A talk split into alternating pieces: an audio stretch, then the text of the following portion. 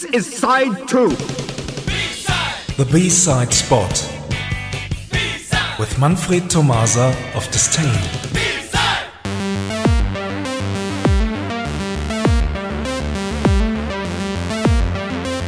Good evening, everyone. You already noticed the music in the back. Tonight we will present Assemblage 23.